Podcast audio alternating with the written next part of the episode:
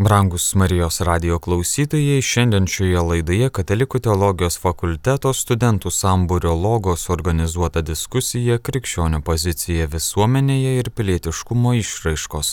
Dalyvauja publicistas Lietuvos Šaulių sąjungos narys daktaras Valdas Kilpys, Lietuvos Šaulių sąjungos narys Lietuvos Respublikos Seimo narys daktaras Paulius Saudargas, diskusiją moderuoja docentas daktaras Paulius Čerka. Girdėsite šiandien pirmąją dalį. Labai trumpai pristatysiu mūsų svečius, nors manau, kad pristatyti jų ir nereikia. Valdas Kilpys, teologijos fakulteto dėstytojas, visuomenį žinomas taip pat kaip ir žurnalistas, šaulys, jos straipsnius mes dažnai skaitome Bernardino tinklapyje ir kituose aktualiomis visuomenės temomis. Ir kadangi šiandien kalbėsim apie krikščionybės ir visuomeniškumo savanorystės santyki. Manau, mes nekantriai laukiam valdo minčių tą temą ir taip pat turim Paulių Saudarką, visiems mums žinoma politika, Seimo pirmininko pavaduotoja. Politinė veikla galbūt daugiau visuomeniai žinoma, bet Paulius iš tikrųjų yra iš įsilavinimo fizikas, tiksliųjų mokslų keliu pasukęs, lygiai greičiai matyti visuomeninį gyvenime aktyviai dalyvavo, savanorystėje, taip pat šaulys. Galima ir jį matyti ir iš, iš politinio, ir iš savanorystės, ir visuomeninio gyvenimo. Tai bus labai įdomu matyti tą sankirtą šitų, šitų sričių. Ir taip pat esu aš, Paulius Šarka, vadovau dėstytojas, vienas iš šito mūsų diskusijos organizatorių grupės prisidėjus. Kalbant vis tiek apie krikščionybę ir jo santykį su visuomeniniu gyvenimu, noriu man pacituoti porą tokių žinomų turbūt eilučių iš ankstyvosios krikščionybės kūrinių laiško Diogenui. Laiškas, kuris, sakykime, išsako tokias pradinės instrukcijas, matyt, jaunam krikščioniui. Tai tekstas skamba taip, krikščionis gyvena savo tėvynėje kaip ateiviai, tačiau visas pareigas atlieka kaip piliečiai. O viską pakelia lyg ateiviai, paklūsdami išleistiems įstatymams, savo gyvenimu juos pranoksta, Dievas paskyrė jiems tokį postą, iš kurio jiems nevalia trauktis. Na, galiu taip pat pacituoti Barnabo laišką, negyvenkite atsiriboję, užsidarę lyg jau būtumėt nuteisinti, bet burkitės draugin ir kartu ieškokite, kas naudinga visiems, bendro gėrio stulatas. Ir Platono turbūt nebloga citata pradžiai, lengviau statyti yra miestą ore, nei valstybė be Dievo. Gerai, tai Kaip, kaip ta krikščionybė ir savanorystė, galbūt apie savanorystę jūs tikrai nemažai galėsit e, pasidalinti ir, ir, ir paliūdyti, kiek jinai jums asmeniškai yra pakeitusi ir padariusi įtaką, ar tai dalykas, kuris labiau atima ar duoda, toks paradoksas ar ne. Bet valdai pradėsiu nuo paties, sakykime, vis tik vakarų kultūra yra labai paliesta krikščionybės, ar ne? Ir mes turim tam tikrą na, gyvenimo modelį, prie kurio mes pripratę ir mums yra, nu, atrodo, toks ir turi būti. Pasaulis yra margesnis, jis įvairus. Kaip su ta savanorystė ir visuomeniškumu, e, ne politikų tarpe, o nu, paprastų visuomenės narių tarpe, ar galima juos kažkaip palyginti, sakykime, rytų ar kitų kultūrų alternatyvų? Ir čia ar galim padaryti kažkokiu tai išvalgų? Savanorystė. Iš tiesų, kalbant apie savanorystę, keli dalykai iškart šauna į galvą. Pirmas reikalas yra tai, kad savanorystė dabartiniu laiku yra madinga. Turiu dvi dukras, kurios savanoriauja, nežiūrint to, kad mokosi katalikiškos pakraipos mokyklose, savanoriauja, kiek aš matau iš akių, dėl mados. Tai čia gera mada? Čia yra žiauriai gera mada, tai yra totaliai gera mada, kurią reikia skatinti, plėsti ir visai kaip. Ir aš ne tai, kad bijau, bet džiaugiuosi. Didžiaja dalim, kalbant apie visą tą kontekstą, kuriame atsidūrė mūsų valstybė, savanorystė irgi yra va, toks šiek tiek madingas dalykas. Ir Paulius neleis suklyst, kad buvimas šauliu ir ta atėjusi šaulių banga irgi yra vienas iš tų tokių lakmuso popierėlių, kad būkim savanoriais. Tai čia vienas dalykas. Bet yra kitas, mano galva, svarbus dalykas ir paskui mes galėsim pakalbėti galbūt ir apie tą bendresnį kontekstą, kalbant apie kitas kultūras, ar ne? Kad nežiūrint to savanorystės pasiutimo tame visame kontekste ar panašiai, yra toks Ką aš norėčiau, kad šitas ar ne pokalbis galbūt būtų viena iš tų žinių, taip apgalvodamas prieš eidamas čia, kuri pagalvojau verta įgarsinimo, yra tai, kad Nežiūrint to, kad aplink dedasi pakankamai radikalūs, dramatiški, globalūs karai ir panašus dalykai, kurie liečia mūsų konkretų gyvenimą, bet krikščionis kaip po toks vis tiek atsidūręs visame šitame kontekste, tame jo valia, anksčiau ar vėliau prieina prie ribos, kada spręsti tenka jam pačiam. Dėl to, kad Dievas suteikia laisvę apsispręsti jam pačiam. Mes čia galim kalbėti apie ideologijas, mes čia galim kalbėti apie krūvą protingų dalykų. Taip pat pacitavai nuo Platono iki Diogeno ir, ir, ir, ir toliau. Bet iš principo, kai tu atsiduri šitame laikmetyje, tu vis tiek sprendi pats.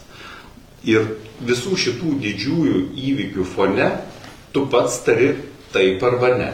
Tu pats pasiemi mobilų telefoną, išsiunti SMS žinutę vertą 3, 5 ar 10 eurų, arba jos nesiunti. Tu pats nueini pas vienokią ar kitokią organizaciją ir tu padarai tai arba nepadarai.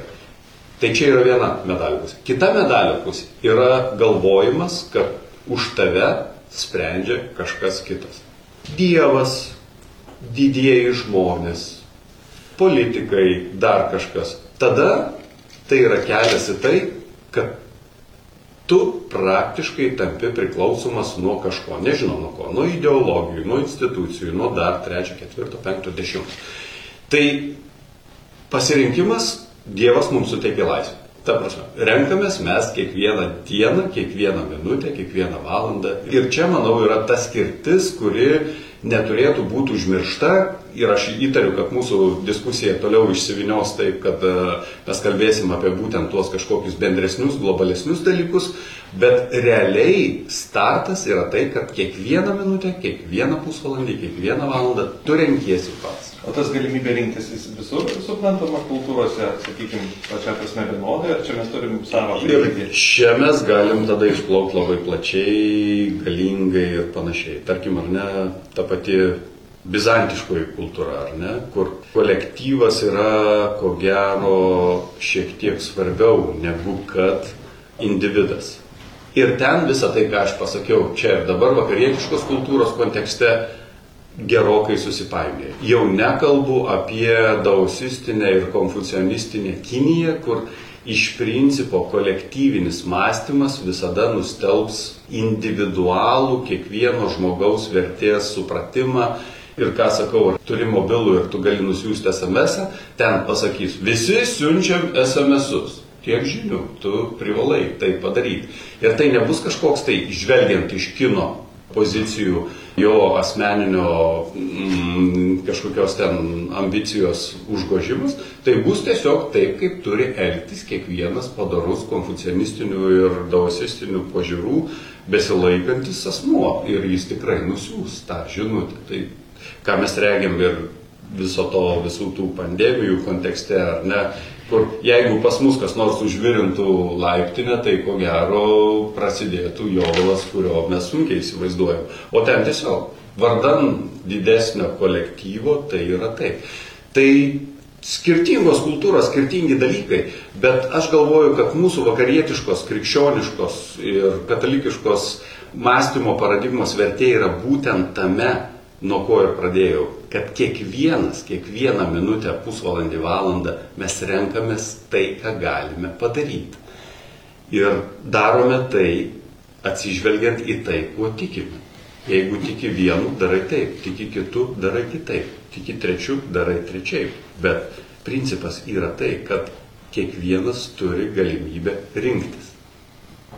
Individualus pasirinkimas. Individualus pasirinkimas. Ir atsakomybė tuo pačiu. Ir atsakomybė tuo pačiu. Ir žvelgiant apie tą savanorystę ar panašiai, nežiūrint to, kad čia dabar egzistuoja kažkokia tai mada, kažkoks tai savanorystės pasiutimas ar, ar, ar panašiai gerąją, pačia geriausia prasme, tai viskas yra tvarkoje, bet tu renkiesi, tu renkiesi. Tu gali to nesirinkti, tu gali ne, ne, ne, nevažiuoti šitą upę, tu, tu, tu gali neplaukti pasroviui, tu gali būti kitoks.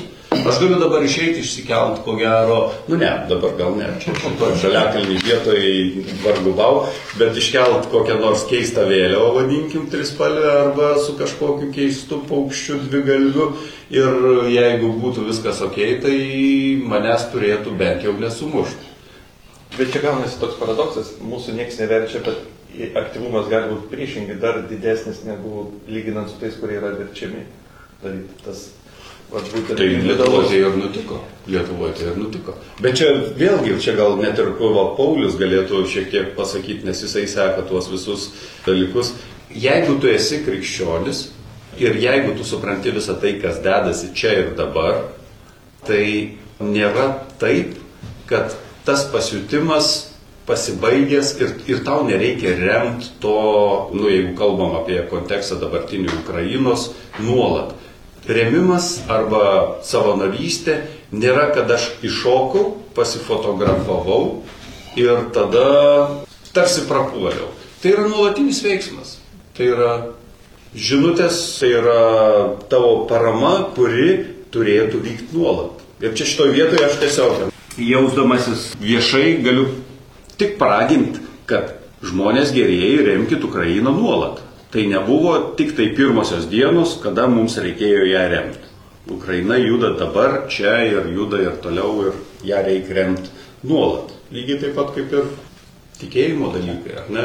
Pauliu, kaip jūsų patirtis, žinant, kad jūs ne vieną kartą ir Ukrainoje buvot, jų savanorystės, na mes visas pasaulis stebim tą tokį, sakykime, ukrainietišką iniciatyvumą. Ir čia pat yra šiek tiek rusiškas mentalitetas, ar ne, nu, susidūrė kur tos savanorystės labai nedaug, galbūt yra labai toks kolektyvizmo modelis. Kaip patirtis būnant ten, kur tos dvi kultūros, šiuo atveju visiškai yra sąlytė ir labai skirtingos, ukrainietiškas iniciatyvumas, individualumas ir, ir, ir iš kitos pusės va, ta agresija iš tokio tarytum kolektyvo, kuris gyvena komandai pradžiai šiek tiek paoponuoti netgi. Gerai. Tai jo, valdas sako, kad e, e, mados dalykas savanorystė. O čia aš išvelgčiau ne visiškai mados dalyką, nors gali taip atrodyti, nes mada visada turi tokį negatyvų poskonį, ta prasme, tai yra savistikslis dalykas. Nu, vat, visi vaikšto su bordiniais švarkais ir žaliom kelnim ir būtinai, ir man reikia taip eiti, ar ne? Ir tarsi nuo to pasaulis nei geresnis, nei teisingesnis nepasidarė, kad aš tą užsidėsiu, aš tiesiog sakau madą tuščiai. Aš sakyčiau, kad savanorystė Lietuvoje suklėstėjo dėl to, kad mes subrendome.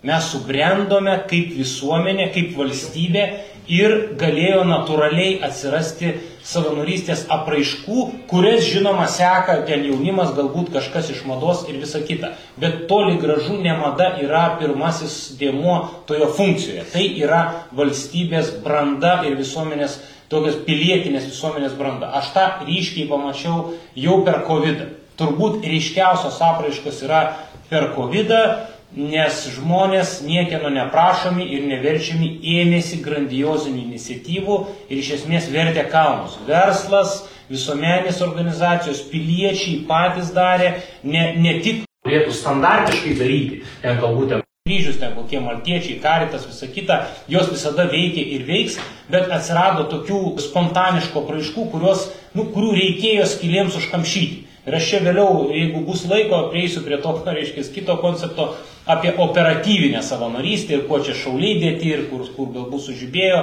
sublizgėjo, kur kiti galbūt negalėjo įsijungti, nes tai yra, na, e, tai reikia čia ir dabar, rytoj reikia, ne, ne, ne po savaitės, ne po mėnesio, bet reikia rytoj ir čia valstybė atrado tokį naują dalyką. Bet aš dar grįžčiau šiek tiek prie krikščionybės ir apskritai va to krikščionybė sako ir visuomeninis gyvenimas. Aš nedėčiau, kad ir tas, ir tas čia kažkokie atskiri dalykai yra. Mano supratimu, doras krikščionis yra aktyvus krikščionis. Ta, ką sakėt, reiškia, aš galiu rinktis plaukti pasroviui, bet galiu rinktis plaukti prieš srovę. Ir mano supratimu, krikščionio pareiga yra plaukti prieš srovę. Tai ir yra atsakomybė. Atsakomybė, kai aš ką nors keliu nuo žemės paviršiaus, o neleidžiu kristi, o keliu prieš potencialą, prieš kažkokią potencinę traukos jėgą, aš atlieku darbą. Vat ką reiškia atsakomybė, valia, reiškia įjungti valią jausti atsakomybę ir kažką daryti tada prieš, prieš tam tikrą jėgos lauką, pavadinkim. Nu ir tada yra sunku, visa kita, bet tu sukaupi energiją, tu padarai darbą. Reiškia. Tai tik tai tą gali padaryti, jeigu tu turi atsakomybės ir tada turi valios tą įgyvendinti, iš, išlaikyti, reiškia, eiti prieš tas rolę. Tai man atrodo, doras krikščionis turi būti toksai nes e, tik aktyvus. Nes čia standartinės tiesos, jeigu tu leisi blogiui keroti, sėdėdamas ant sofos, nors nieko blogo nedarai, reiškia, tu kolaboruoji su blogiu. Tu prisidedi prie to, kad blogis, blogis kerotų ir, ir auktų. Tai e, šiandieniniais laikais... Pasijautų ne, nejaukiai sėdėdamas ant sofos. Šiuo atveju mes veikiam aktyviai, mes diskutuojam, kalbam apie visiems rūpimus dalykus, transliuojam, man atrodo, tai yra viena iš tokių apraiškų ir dar galbūt, ką nors įtikinsim už, už kito ekrano pusės savanoriauti labiau, tai man atrodo, tas darbas mūsų nenuės veltui. Tai va čia dėl, dėl krikščionybės tokio santykio galbūt su tuo, tuo, tuo civiliniu pasauliu, kaip čia, tai neatsiejamas dalykas. Aš jeigu doras krikščionis, turiu būti aktyvus ir čia ta diskusija ilgai būna ten dvasininkai, ar čia gali politiniais klausimais. Palaukit, viskas yra politika, viskas yra visuomenė, visi klausimai, kurie rūpi visuomeniai, turi rūpėti ir dvasininkam, nes jiems rūpi, na, žmogaus galų galę ta e, būklė dvasinė ir taip toliau. Tai jeigu tai su tuo siejasi, nebijotinai, kad gali ir, ir kalbėti, ir veikti, ir daryti, tai turėtų būti normalu nors pas mus dažnai interpretuojama kitaip. Tai intrapa vis tiek šito vietoje, kadangi pastaruoju metu mes turim tą, sakykime, ortodoksų bažnyčiai mm, jautrų įvykį. E, viena vertus turim na, vienos pusės tokį argumentą, kad kunigai užsiema politikavimu, taip ir turim tų kunigų, kurie yra atleisti nu, savo norų, jeigu galima taip įsireikšti, ir, ir jų atsikirtimą, jog moralė na, nėra politikavimas. Jeigu, jeigu tu pasisakai visuomenėje vykstančių procesų moralinių vertinimų, tai neturėtų būti laikoma politikavimu. Kaip ta politika yra siaura, turbūt prasme politika, kaip politinės partijos veikla ir plačia prasme, mes kiekvienas esam, na, visuomenės veikėjas, kaip Aristotelis sako, nu, reiškia, žmogus yra politinis gyvūnas, tai ta prasme, viena vertus visi dalyvaujam visuomenės gyvenime, nors ir ne visi esam, na, partiniai žmonės jokių būdų negalima čia bijoti ir, ir kartais pasiduoti, sakyčiau, daugiau tokiam liberalistinių pažiūrų žmonių sakymui, kad na, negali dvasininkai politikuoti ar išreikšti kažkokią nuomonę. Jokių būdų. Dvasininkas negali dalyvauti politikui tiesiogiai. Tai yra būti renkamas į tas pareigas, kur yra priminėjami sprendimai. Viskas pasisakyti, kad ir dėl valdžios sprendimų, nebejotinai, kad gali ir turi, todėl kad valdžios sprendimai įtakoja, daro žmonėms įtaką, galbūt ir moralės prasme, etikos, doros ir, ir, ir nebejotinai, kad daro. Todėl galima pasisakyti ir reikia pasisakyti, o mes bijom, mes sakom, ne tu turi tylėti, nes čia būktai tu nepolitikuo. Visi gali politikuoti, kiekvienas jo odoras pilietis turi aktyviai politikuoti, tai yra savo nuomonę pareikšti, ją bandyti susidaryti daryti kuo labiau kvalifikuotai profesionaliai. O politika jau yra, reiškia, renkamos pareigos, yra priiminėjami sprendimai, tai ten nei kariuomenės atstovai negali dalyvauti, nei dvasininkai tiesiogiai, visas, visas tas yra suprantama. Tai dabar grįžtant prie tos savanorystės ir to, kas atsitiko Lietuvoje, tai va kaip minėjau, pandemija, man atrodo, atskleidė, kad mes esam subrendę, nes žmonės patys gamino skysti, dezinfekcinį kaukę siuvo, aukojo, rinko paramą, pirko medicinį įrangą, medikam padėjinėjo ir taip toliau. Šaulių sąjunga vėlgi darė tokius dalykus, kuriuos galbūt kitos organizacijos ir negalėtų padaryti, tai bendradarbiavo su vidaus reikalų sistemos, su savivaldybėmis, su sveikatos apsaugos sistema ta pačia, kur, na, e, tarkim, su policija tenai, blokpostai ar ne, karantino sąlygų laikymasis ten, su savivaldybėm, mobilus patikros punktai, kas vėlgi paprašė ir darėm tiesiogiai e, dirbom ten, kur na, nebuvo kam daryti to, darbo, tai šauliai sako, gerai mes galim, reikia rytoj, gerai teisim rytoj. Ir viskas, lygiai taip pat medicinoje, ligoninėse dirbo nuo tenai eilinių darbų iki reanimacijų. Tai jau giliau įeiti, nežinau, ar medicinos sistema įmanoma, bet irgi buvom šalia medikų, kurie ir, ir darė ir procedūras medicinės, ir operacijas, ir, ir, ir visa kita, kai to reikėjo. Nu, trūko darbo. Man atrodo, užgimė toks naujas modelis operatyvinės savanorystės tai yra valstybė. Jeigu trūksta kažkur tai personalo ar kažkokių pareigūnų ar etatų, tai yra normalus dalykas. Kai krizės atveju, karo atveju, kažkokios dienos X atveju pritrūksta, nes valstybė neprivalo turėti kišenį tūkstantį e, policininkų laukiančių, kada jos pakeis tarnybą. Palauk, kodėl? Tai neefektyvu. Taikos yra paskaičiuoti kiekiai e, taikos metu. Tiek medikų, tiek policininkų, tiek tenai visų kitų, kokių reikalingų žmonių ar pareigūnų. Ir valstybė neturi savo prabangos turėti. Todėl mes visi visuomenės nariai turim būti pasiruošę. O štai tokios organizacijos kaip šauliai e, užtikrina, įtinklina, reiškia, tą suvadybina, kad tai atsitiktų greitai, kad būtų daugiau mažiau bendrai paruošti žmonės, kurie turi kažkokias vadovavimo grandinės, turi patirties visokiausios, turi įrangos galbūt, turi, e, reiškia, galų galę ten uniformą, statutą, nu, ateis dešimt šaulių su uniformom e, su savo vadu, tai ne tas pats, kas dešimt bet kokių žmonių savanorių surinktų iš gatvės, kur jie nežinos, kaip elgtis, nežinos, ko klausyti, nežinos, kaip informaciją suvaikščioti ir taip toliau. Tai yra va tokios e, grupės, kurios e, gali būti staigiai metamos į tuos frontus visokiom prasmėm, kurių reikia va čia ir dabar. Rytoj reikia, gerai, gali ateiti rytoj. Tai man atrodo, valstybė atrado, kad jinai tą turi ir kad tai yra visiškai normalus dalykas. Na, Dabar Ukrainos karo kontekste jau ta šiek tiek kitokia ta savanorystė yra, bet vėlgi stiprus kartu labai gerą subūrė komandą ir užsuko dalykus, tikrai gigantiškus dalykus. Bet čia, man atrodo, e, irgi visi savanoriavo kaip kas gali. Galbūt ir finansiškai va, tas pagrindinis aspektas - remti tas organizacijas, kurios turi know-how, pavyzdžiui, Blue Yellow, kurie tikrai nuosekliai tą darė nuo 14 metų ir visada sakė, išvėkit, nu čia karas vyksta, jūs pamiršot. O jie nepamiršo, visą laiką darė. Ir dabar ir pirmą karo dieną visi juos atsisuko. Žiūrėkit, tai vat, dabar kaip jums padėti? Aš irgi turiu pasakyti, Jono Omanui paskambinau pirmą kartą, nesakau, jums dabar reikės pagalbos. Tikrai, sakyk, ką padaryti. Ir nuo to laiko mes bendradarbiavome, nes buvo akivaizdu, kad juos užplūs finansai, kad juos užplūs, reiškia, e, e, savanoriai, kad iššūkiai nauji ir, ir, ir apsukos padidės šimtus kartų. Ir tai, nu, organizacija irgi yra tam tikras iššūkis, tai jie su to tvarkosi ir eina į priekį. Atsirado daugiau panašių organizacijų, e, pavienių iniciatyvų ir tai yra neblogai. Todėl, kad ta centralizuota parama, jinai pasiekia viskas tvarkoja, ten ES ten milijardai, ar ten, tarkim, Vilnius remia Kievą ar panašiai, bet tai jau yra tokia centralizuota parama ir viskas gerai, kad jin yra, jinai laiko einant, nu, nueina ten, kur reikia į frontą, bet jeigu tu dar kažkur tai pakamšai skilės, nuo to blogiau nebus. Individuali parama, jinai nukeliauja taškiniu būdu ir tu kažkur pakamšai skilės, tu nu, nuneši ten, kur žmonėm, tarkim, kažko, kažko reikia.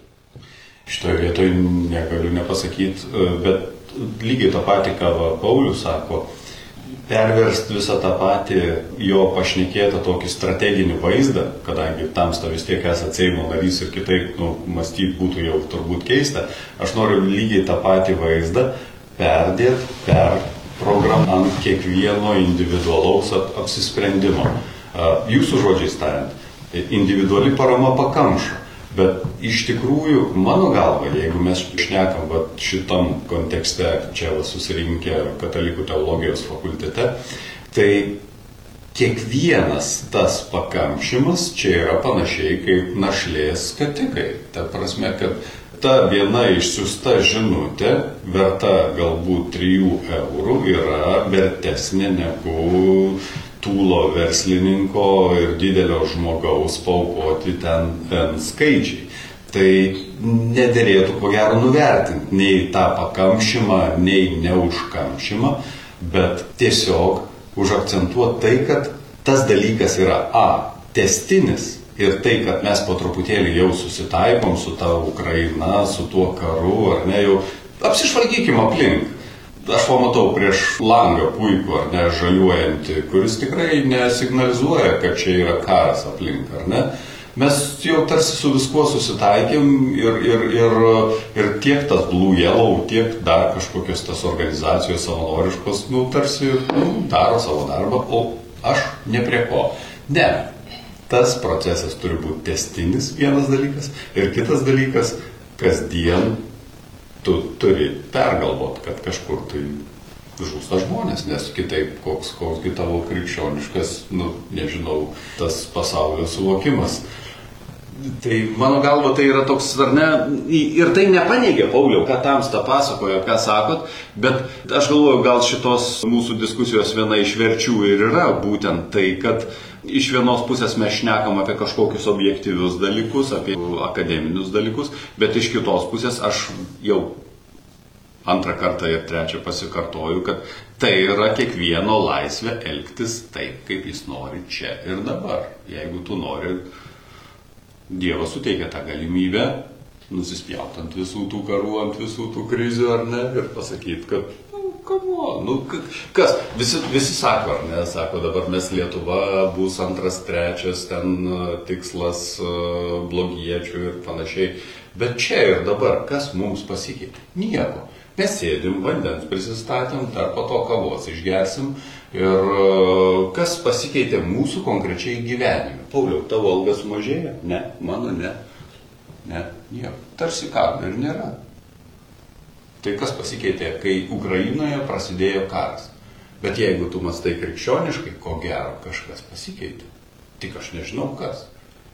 Na, manau, kad pasikeitė radikaliai, pasikeitė apskritai geopolitinė situacija regione mūsų, nes karo tokio masto Europoje pačioj turbūt senai nebuvo nuo antro pasaulinio karo, nu, imkim, aišku, Balkanai, jo, imkim, galim Balkanus imti, bet mastas, kuris vyksta šiandien Ukrainoje, vėlgi raketų puolimai, čia buvo palyginimas per 20 karo dienų, ten 22 man atrodo, reiškia, virš tūkstančio raketų numesta, kai Sirijoje ten per, per penkis metus ten šimtas.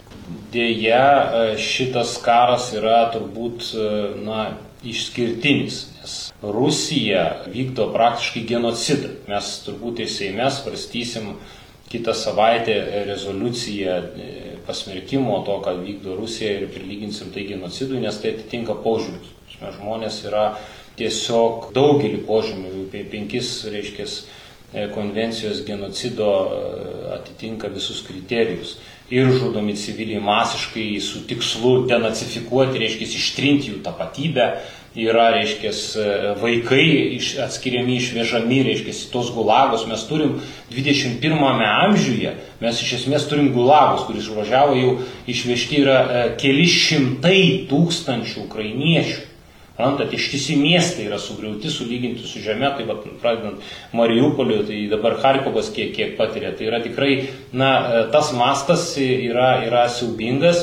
E, kai, na, ten nuvažiuoju, dabar vėlgi teko paskutinį kartą lankytis Mikolaivė, turbūt arčiausiai fronto, kiek teko, tai girdisi, girdisi artilerijos apšaudimas, nuolatinis tos griaustinis, bumsi, bumsėjimas, tas reiškia, ten aktyvus vyksta kovos iš abiejų pusių, jie apsišaudo artileriją, tarkim, nu, neturi vandens visas miestas dvi savaitės. Ir, ir tokių, tokių kiekvienoje toje situacijoje yra kiekviena mieste ta situacija skirtingi, kiti ir neturi iš vis prieimo, kur apsupti nei vandens, nei elektros, nieko čia vat, konkrečiai vandens neturi, žmonės ten seniai už, už upių tenai tą vandenį ir iš, iš, iš grėžinių, kiek, kiek gali su tais bambaliais neša ir visa kita. Tai va tokiam žmonės gyvena, na, tiesiog baisiam humanitariniam chaose, krizėje, jau nekalbu apie tas vietas, kurios tiesiog yra tiesiog ne karo zona. Tai pasižiūrėkim, būčia ir pinė, kur, kur žmonės tiesiog buvo žudomi gatvėse, privartaujami, kankinami, žudomi. Tai, tai yra siaubingi dalykai, kurie vyksta ir iš tikrųjų labai gerai sakot, kad reikia nepamiršti.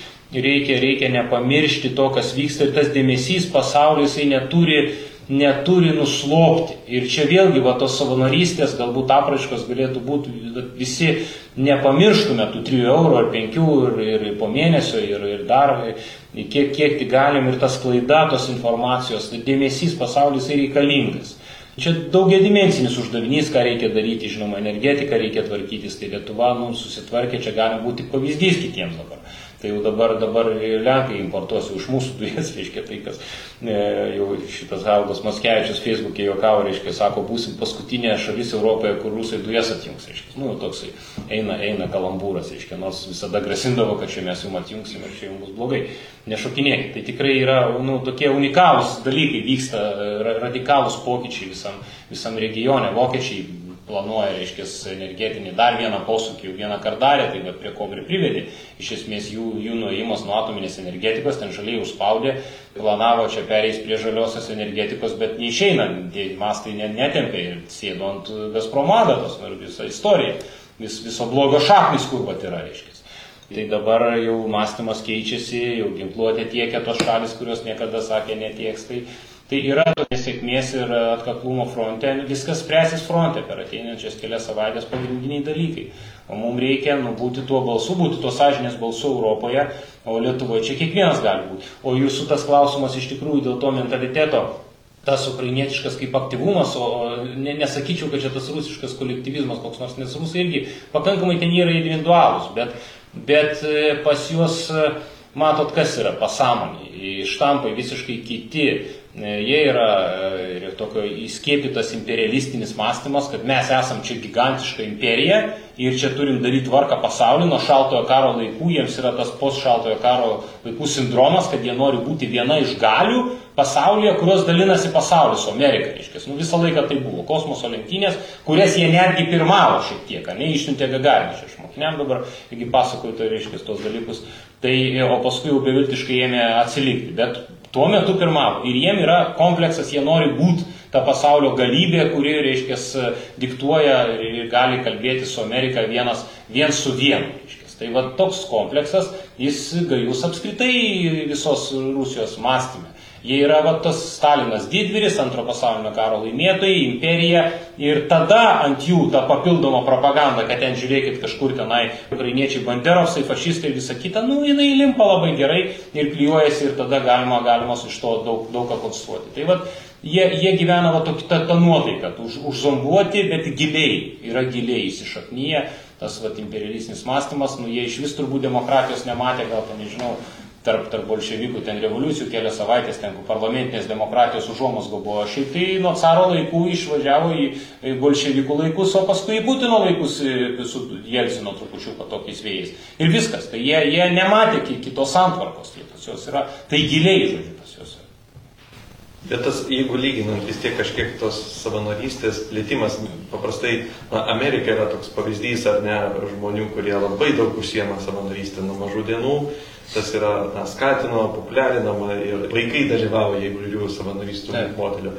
Mes mokomės, nu, kažkuria prasme, ukrainiečiai parodė didelį iniciatyvumą krizės akimirko, kai pradėjo armiją remti, burtis, organizuotis ir duoto atveju tai buvo stebėtina akimis ypatingai rusų kultūros žmonių, kurie niekada neįpratė, kad ne valstybė kažką organizuoja, bet patys žmonės būrėsi.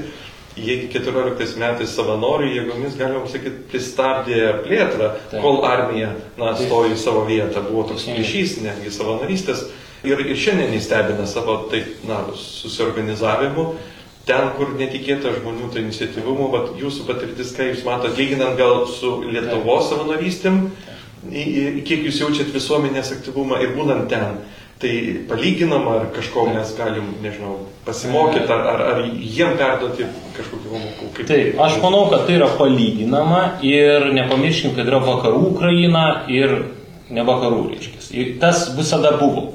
Ir, ir ten yra truputėlį kiti pasauliai. Dėl to iš esmės Putinas galėjo tą žar, žarėje žarstyti Donbasą, bet jisai, reiškia, vakarų Ukrainai to niekada nebūtų jau tada galėjęs daryti ir 14 metais yra visiškai kitas mentalitetas, ten yra apskritai vakarie, nu, vakarietiški praktiškai miestai, ta kultūra yra, yra kitokia ir labai stiprus tautinis identitetas, e, ko galbūt nebuvo, nebuvo rytuose. Dabar jis jau atsiradęs visur, jie jau užsikrėtė tuo, jau atsiskirimas įvyko iš tokia kristalizacija, apskritai tautos valstybės kristalizacija įvyko. Visi dabar žino, aš esu ukrainietis, net jeigu aš ukrainiškai nemoku. Bet aš mokausi, aš mokausi ir aš būsiu ukrainietis, reiškia, išmoksiu ir, ir visą kitą. Dabar ne, apie savanorystę. Iš tikrųjų, labai, labai plačiai dabar paplitę. Mes iš tokių pavyzdžių, kai buvom, reiškia, stovai vakarų Ukrainai trečią kartą, žiūrėjom daugiau va, tos logistikos centrus pabėgėlių klausimą. Žiūrėjom, kaip jie organizuojasi pabėgėlių srautus. Nes į išorę, tai ten emigravo dabar, nežinau, paskutiniai skaičiai, ten netoli 5 milijonų ar panašiai. Virš 5. Virš 5, jo. O viduje jie turbūt virš 6 turi. Viduj persikėlėliai, vadina ne pabėgėliai, bet persikėlėliai, pereselensai. Ir tai irgi yra milžiniška logistinė problema. Ir sako, kas atsitiko pirmom karo dienom. Ant savivaldos pečių guli valstybė dar kur tau ten jie žiūri apskritai Kievas čia liks ar neliks, jie ten nužiūrėjo, apie ten tarptautinės organizacijas irgi ten po kelių savaičių tik įsijungė, viskas guli ant savivaldos pečių, ten vietiniai žiūrėjo, palaukit, pas mus atvažiavo keli tūkstančiai žmonių, juos reikia kažkur paguldyti, pamaitinti ne rytoj, ne po savaitės, o šiandien. Ir tą darė žmonės. Ir čia irgi labai pradėjo savanoriauti. Sako, pas mus pabėgėliais rūpinasi tie, kurie prieš savaitę atvažiavo pabėgėliai. Tai jie dabar priminėja tuos, reiškia, yra nu, visa logistika, ten humanitarinė parama skirsto, psichologinius centrus atidarė, psichologinės pagalbos, nes sako, daug šeimų atvažiuoja kritinės psichologinės būklės. Žinoma, tai su maži vaikai, šeimos išgyvenusios ten bombardavimo ir panašiai, jie yra sunkios psichologinės būklės ir jie ir steigia tos būrelius, tokios pagalbos, kad, kad juos kažkaip nuraminti, juos įveiklinti, nu ieško kažkokių užsiemimų, jeigu neranda darbo, nes nukurtų važiavo dar vienas miestas tokio dydžio, nu į Kauną dar atvažiuotų 500 tūkstančių žmonių, darbo nu nerastum turbūt, ar ne tą pačią savaitę. Tai bent jau kažkokį tada savanorišką užsiemimą, kad jie save galėtų realizuoti ir, ir, ir daryti. Tai aš manau, kad ten yra tiesiog krizės sąlygomis, žmonės tiesiog daro, ką gali ir ką reikia daryti. Ir, ir, ir nu, mes galim pasimokyti, žinoma. Aš manau, kad jeigu pas mus būtų tokio masto kataklizmai, aš manau, kad Lietuva jau pribrendus yra, kad, kad įstotų į tos frontus, kuriuos reikia ir darytų. Žinoma, tėvynės gynyba taip pat yra ta terabarona, teritorinė gynyba, kur, kur eina savanoriai, mokosi, praeina kursus tam tikrus ir taktinius dalykus, ir medicinos taktinės, praeidant į frontą nevažiuoja savanoriai iš karto. Jie dalyvauja toj terabaronai, teritoriniai gynyboj, vėliau jau, jeigu reikia, e, dalyvauja ir pavinėse veiksmuose. Šioje laidoje klausėmės Katalikų teologijos fakulteto studentų sambūrio logos organizuotos diskusijos krikščionio pozicija visuomenėje ir pilietiškumo išraiškos. Dalyvavo publicistas Lietuvos Šaulių sąjungos narys daktaras Valdas Kilpys, Lietuvos Šaulių sąjungos narys, Lietuvos Respublikos Seimo narys dr. Paulius Saudargas, diskusiją moderavo docentas dr. Paulius Čerka. Klausėmės pirmosios dalies. Likite su Marijos radiju.